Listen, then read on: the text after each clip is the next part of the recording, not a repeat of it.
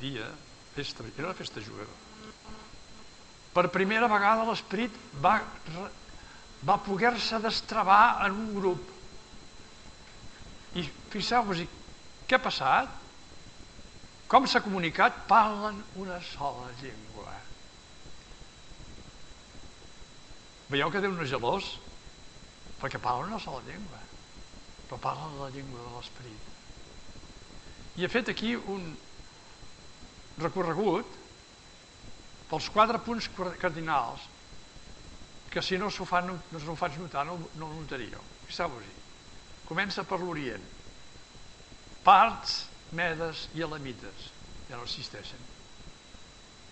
Antigues civilitzacions de l'Orient. Els que habitem a la Mesopotàmia, a la Judea i a Capadòcia, al Pont i a l'Àsia, anem cap a l'est a Frígia i a Pamfília, a Egipte, anem cap al sud. Com també les regions de Líbia. Ai, Líbia, d'on venen totes aquestes pateres que confinen Sirena. I, i ara anem cap a anem cap a, a, a cap a l'oest, no?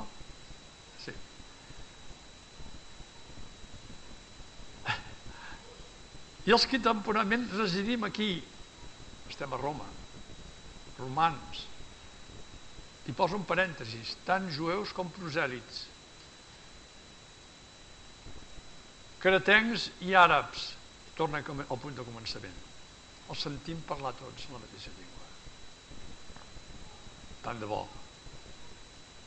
Tant de bo això sigui, es pugui fer, ser veritat. Parlar la llengua de l'esperit.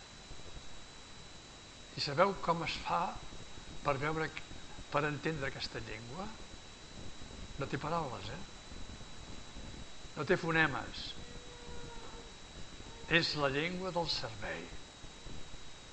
I quan veieu, cada vegada que veieu persones que fan un servei, estan parlant aquesta llengua.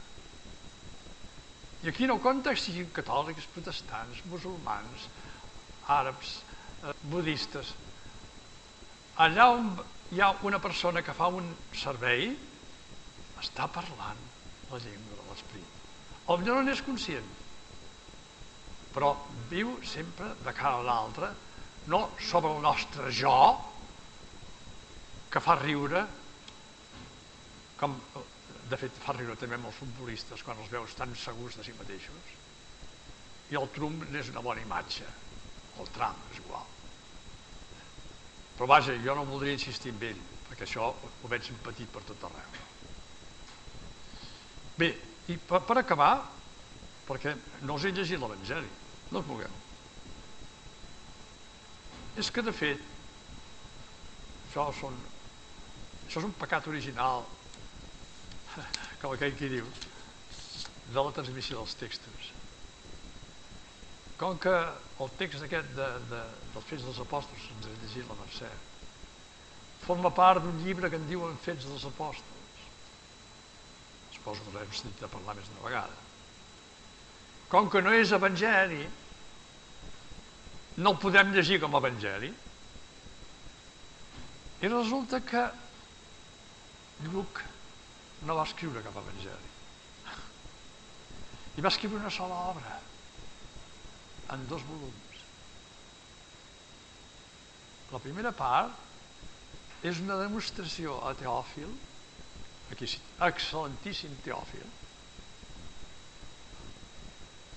que havia estat suma sacerdot. Suma sacerdot és una espècie de papa. Fill d'Anàs, aquest senyor us sona, no? Anàs. No? Anàs, que va entregar Jesús al poder dels romans, a Pilat, el Caifàs, doncs aquest era fill de Nas. Però què hi fa aquí, aquest senyor? És que l'any 70 els romans van destruir el temple i la ciutat de Jerusalem i es va quedar sense feina, en atur, vaja, en atur, a l'exili. Havia conegut a Lluc, que era un rabí jueu que es passejava pel temple, com tots els mestres de la llei. Que aquest bon home, no sabem per què, però quan va aparèixer el moviment de Jesús, que era molt conegut per tota Judea i Galilea, s'ho va mirar des de lluny. El va seguir des de lluny, no s'hi va involucrar mai. Alguna cosa havia notat. I segurament que n'hi havia parlat amb en Teòfil, perquè es veien sovint. I es va, quan el Teòfil es va trobar que s'havia quedat sense res i a l'exili, el va anar a trobar. Escolta, Lluc, tu t'has fet creient, m'han dit. Sí, s'havia fet creient. A veure si em dones una explicació. Jesús era el Messies d'Israel? Perquè si era el Messies d'Israel estem perduts. Perquè el meu pare el va lliurar. Els romans ens han destruït la ciutat i el temple, això és la venjança divina. Ah, ho interpretava així. Però ara, ara ens diuen els, els, els cristians ens diuen que ara ve el pitjor, que vindrà un judici final i que s'acabaran tots nosaltres. Diu, diu calma, en dones temps, dona'm un parell d'anys, això li poso jo els anys, no sé, jo et donaré una resposta. I li compon una obra pensada en dos volums. És un escriptor, és un escriptor. I escriu. I li envia el primer volum. Això, això es pot deduir, no, no, no, no m'invento res, eh? Passa que hem d'aprendre a llegir els textos. Perdoneu, no, no és per dir res, però porto més de 40 anys treballant en aquest tema. Alguna cosa queda. I, i, i publicat i en català, en castellà, en anglès, sí que no. Bé, i li envia el primer volum. I en el primer volum li parla de Jesús. I segueix molt de prop l'Evangeli de Marc, perquè és allà on ell s'ha criat. Així com avui el David i el Lucas naixeran en una petita comunitat, Lluc, mira, Lluc precisament, va néixer en una, en una comunitat presidida per una dona. No els hi digueu els que fan, els nostres, perquè no ho entenen això. Que es deia Maria, que era la mare de Joan Marc, on l'Evangeli de Marc era el centre d'aquella comunitat. Ah, i a més hi havia una criada que es deia Rosa.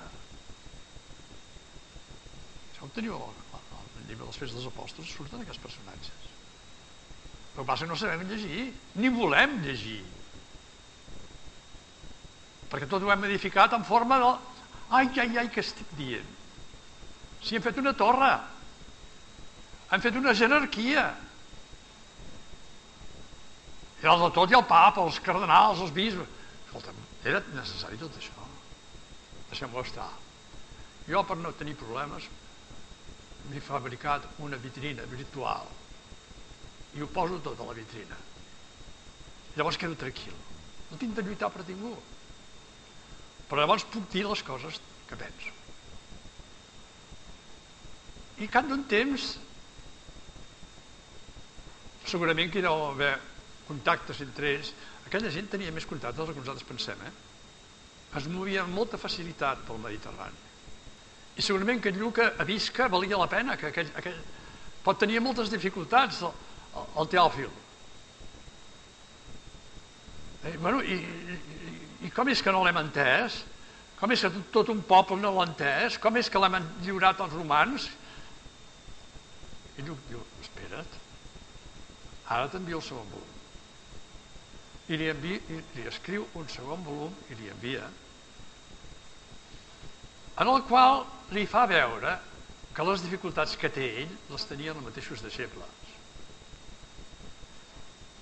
Sobretot en Pere, Simó Pere, en Pau, anava a dir el Berenguera, no, el Felip, i dedica cada personatge, no pots dedicar-los a tots, tria, un hebreu, Simó Pere, un grec, sempre jueus, eh? de parla grega, Felip, i el gran perseguidor de l'Església que s'havia convertit, Pau. I li fa veure que no, que la conversió de Pau no es va fer en cinc minuts. Que Pere, després de Jesús ressuscitat, no va, encara no havia entès res. Que a Felip li va, li va costar molt perquè va anar a buscar les multituds per tot arreu, com fan els grans gurus. I mica a mica li va mostrant com han canviat, s'han convertit i ho han posat al servei dels altres. Bé, fins i tot això eh, que us he explicat era precisament per poder llegir l'Evangeli de Joan que tocava avui. Com que no podem llegir els fets dels apòstols com a Evangeli, m'han posat l'Evangeli de Joan. Ara és preciós. Com que és curt, us el llegeixo. Diu, essent ja al capvespre d'aquell mateix dia, és el dia de la resurrecció de Jesús. El primer dia després del sàbat, sàbat és la gran festa jueva, estan les portes tancades per por dels jueus on es trobaven els deixebles. Arribar a Jesús. És el Jesús que ha ressuscitat, eh? Ha passat a través de les portes tancades perquè està transformat per l'esperit, totalment. No hi ha barreres. Es posa al mig i els diu, pau a vosaltres. Per què els diu pau? Perquè no en tenen pau. Havent dit això, els mostrà les mans i el costat. I per què els hi mostra?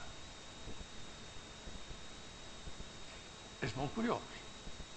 Tant Joan com Lluc quan parlen del, del ressuscitat, parlen del costat obert, de les mans foradades i dels peus clavats. Però per què parlen? Però és que un ressuscitat no ha quedat transformat, no és un superman,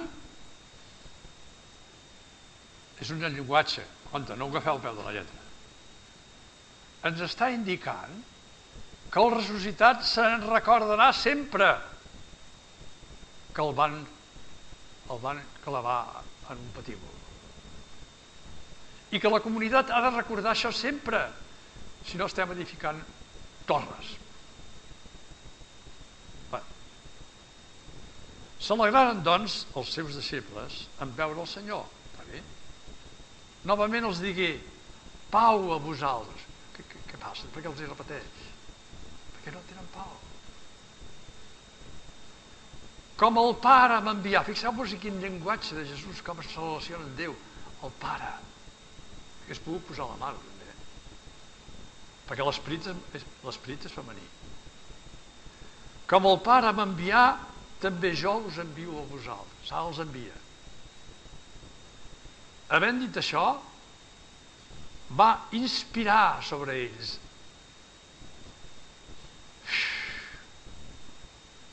un gest i els diu, rebeu Esperit Sant. Si d'alguns perdoneu els pecats, els quedaran perdonats. Si d'alguns els retinguéssiu, quedaran retinguts. Bé, és molt menys explícit aquest evangeli que no pas el text de Lluc. Però com que no és evangeli, doncs no el podem llegir, perquè l'he llegit i no passa res. Estimats, ara passarem a fer el bateig Digue'ls que entrin, sí. Sí, perquè se l'han de fora perquè no fes soroll. Això ho fem sempre, eh? Perquè és que si no... no... no i, i, i, i els nens que hi ha per aquí s'estan portant meravellosament bé, eh? Però aquest petit, com que no té ni idea, eh? deixeu passar. Hola, Lluc. Lucas. Lucas. Bé, posem-nos a drets. Posarem aquí davant els pares i els, els pares al centre, els padrins, una a cada cantó. Com que hi deuen haver quatre padrins, no? Sí, sí, sí. Tu també ets padrí? No, no. Tu no? Aquest és, és, és, és l'enredon número 1, eh? És molt amic meu, eh? Sí. Però eh, eh, és així, no? Padrina? Tu, padrí? És igual, posa't de perquè aquest cantó, sí, no passa res. I, I dos padrins també? Molt bé. I tu fas de... Aigua d'ora, més que bé, molt bé. Maca la paraula, eh?